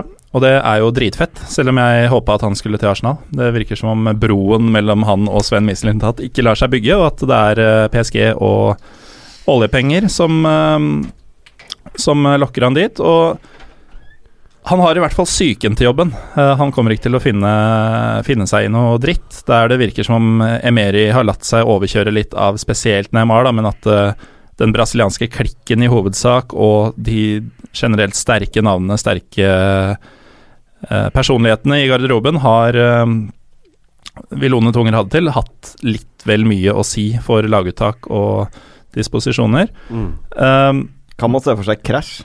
Man kan fint se for seg krasj. Neymar kommer ikke til å digge Thomas Tuchel. Uh, Tror ikke han er i PSG neste år. nei, det virker litt uforenlig å skulle hente inn den treneren og samtidig holde Neymar og brassene generelt glad, for de er vel stort sett glad når han er glad, Ja. Eh, og når Tiago Silva Du er glad. skal helst ha en fyr som er eh, mellom 55 og 65, og som er Du veldig rund i Carlo kantene. Det sies også at spillernes ønske har vært Carlo. Ja, det skal det. Det sies også at spillerne har ønska seg han, De er det. Eh, og det er jo ikke Og overraskende. det er det eneste For et sånn type fotballag, da, så Ja. er jo Carlo bare Han er som skapt Ja. for en sånn trenerrolle. Ja. Jeg tror det er greia, faktisk. Jeg tror, jeg tror vi bare må hente han tilbake. Men han har eh, det mentale til å ta en sånn type jobb på plass. Han har eh, definitivt uh, egenskapene og fotballkunnskapen, uh, tyngden faglig sett. Han har ikke personligheten i den klubben, og så er det jo da igjen, da um, dette med at PSG tenker korttidsløsninger. Det ryktes jo at tilbudet til Tuchel har vært en toårskontrakt. Ja. Og det er bare enda et tegn på at her skal vi bare prøve noe, og så ser vi om det funker. Og hvis ikke det funker, så prøver vi neste. Mm. Så um, vi får se. Jeg, jeg syns det egentlig eh, Det er på tide for dem hvis de mener alvor. Og, og Gjør som United gjorde med Moyes, gi en seksårskontrakt. Ja, altså ikke Jeg sier ikke at Sier ikke at Tukkel skal få en langtidskontrakt med PSG, men den de velger, bør de mene alvor med. Jeg er fortsatt usikker på Tukkel, Mm. eh, sånn in the long run. Det har vært mye tryggere for PSG å bare Altså hente Max Allegri, da. da Mm. Det er det safeste de kan gjøre. Ja. Da, det er den beste sjansen de kan ha til å være med å kjempe i Champions Altså, de League. må ha- og han er up for grabs, og jeg, jeg tror kanskje han er i dagens trenerverden kanskje den taktisk beste. Det tror jeg faktisk. Ja, det føles Ah, jeg er ikke uenig i det. Altså, han, han ser det som et sjakkspill. Han tar ut den Nå må jeg ut for. Har du sett Juventus-dokumentaren på Netflix ennå? Nei. Nei, ok. Jeg har fortsatt ikke turt. Ikke, ikke prat mer før du har sett den. For Ok. at det- se den. Den er Ja. fin, den. Nei, Men er jeg, jeg, jeg, har ikke turt. Jeg har vært nær mange ganger, Ja, så du, jeg har skrudd av. du må se den. Det er er veldig er så bra. Det er veldig bra. Det er veldig bra. Og så må du se dokumentaren om uh, Silvio Berlusconi. Er Den har jeg begynt på, den var dritfett. Ja, han, altså, mannen er fet, selv om Ja. han er klin kokos. kokos. Eh, Prebster. Det er, nei, en liten digresjon med han. Nei. Det herlige med det, Ka- er at han er, han er så populistisk At nå har han funnet at nei, men det er ikke noe smart å være mot EU lenger. Så nå er han for EU. Nå er han EU til Så han har snudd helt rundt. Nei, Og det, er det, og det er de samme fuckings velgerne som stemmer, stemmer på han. Han har snudd rundt på en rekke områder. Bare ja, ja. Fortsatt så er det god stemning. Jim, kan du spørre meg hva mitt beste fotballøyeblikk eh, denne uka har vært? Eh, Morten Gaalesen, kan jeg stille et spørsmål? Ja. Hva er ditt beste fotballøyeblikk eh, denne uka her? Du er glad du spør, for det skjedde akkurat nå. Å, sier du det? Galatasaray har tapt hjemme i semifinalen i cupen 0-2 mot uh, Akisar Genslik Belediev-spor.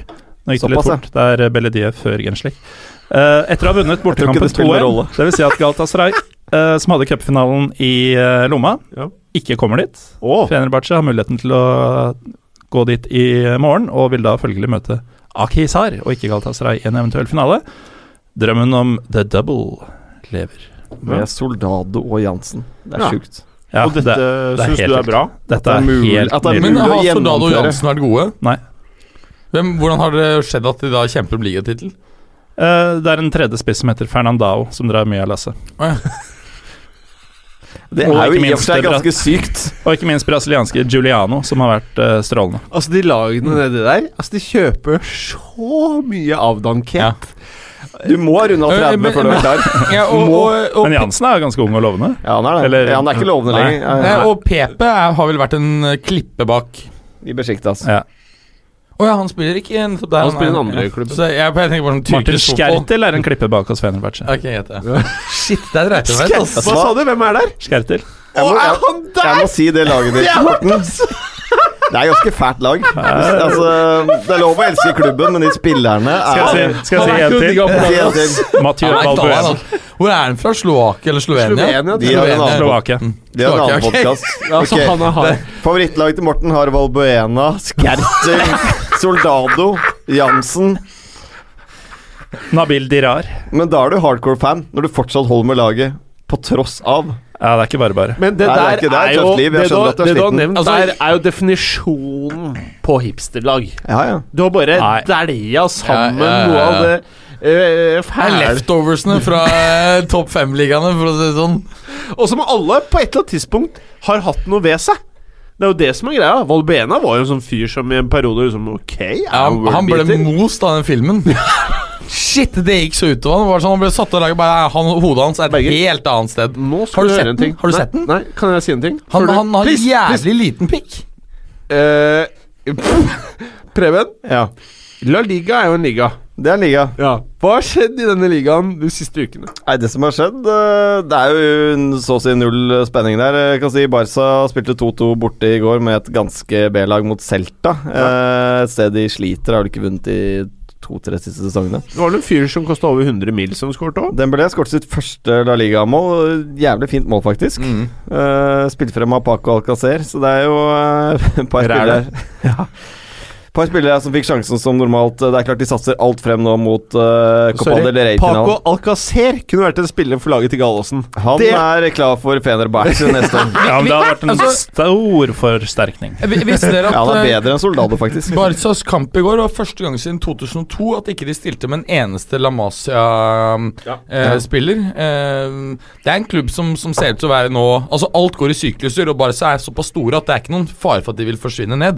Men deres på en måte sånn peak er over i denne syklusen, altså. Jeg er litt enig i det. Samtidig skal vi jo hylle de da. De har hatt en, selv om de røk ut for uh, Roma nå, ganske pinlig uh, for Barca å være, så har de jo spilt nå 40 seriekamper uten uh, tap.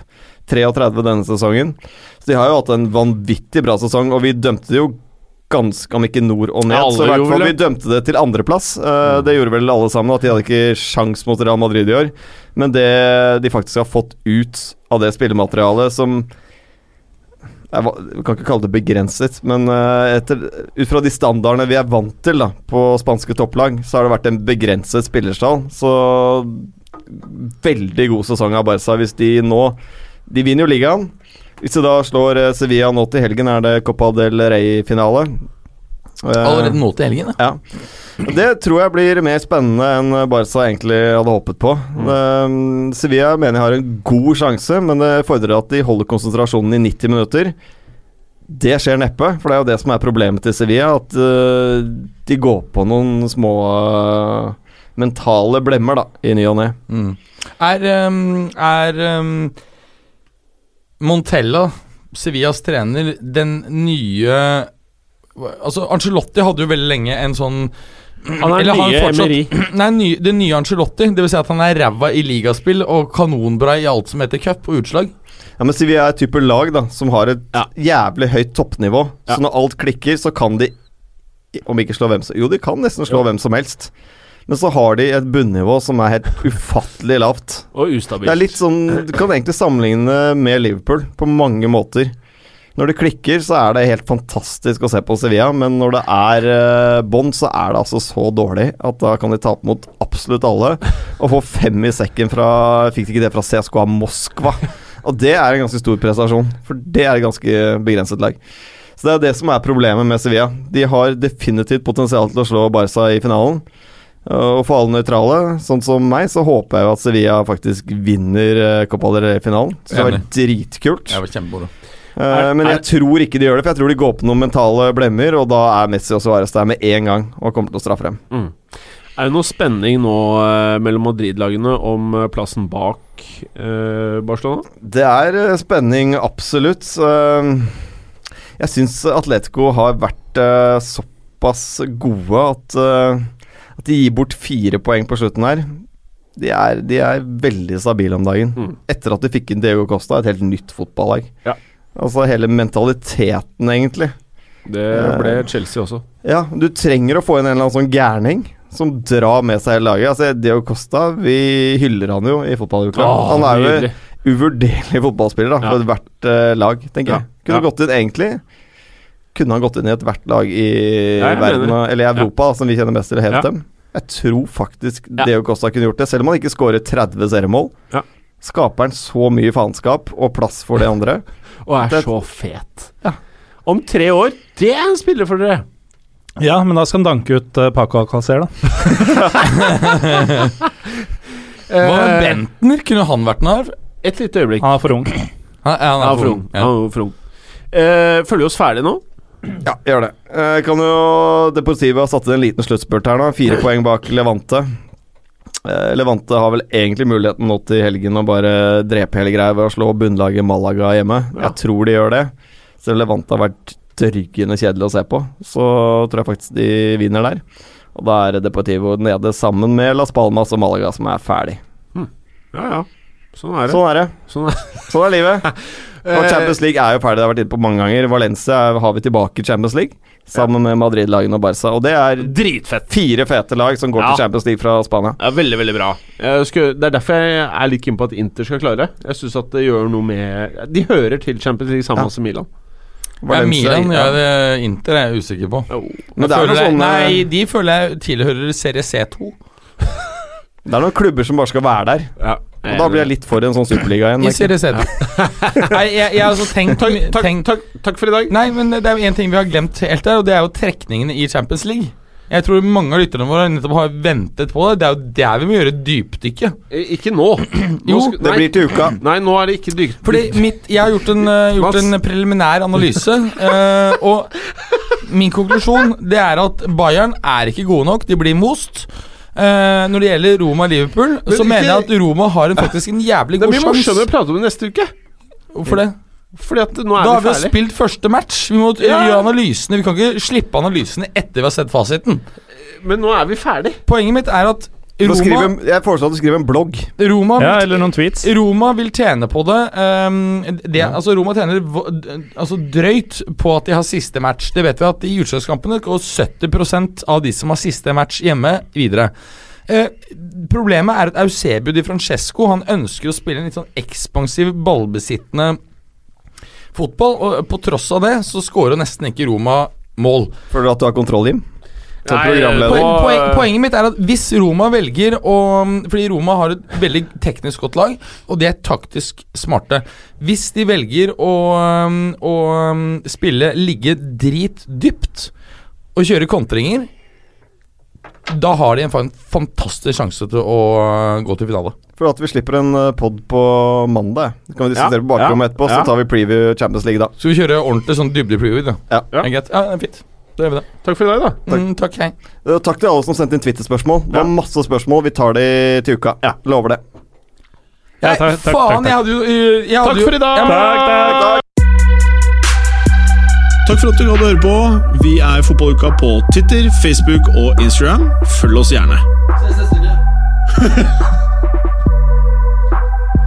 Men bare få høre. Den tror jeg blir litt fet.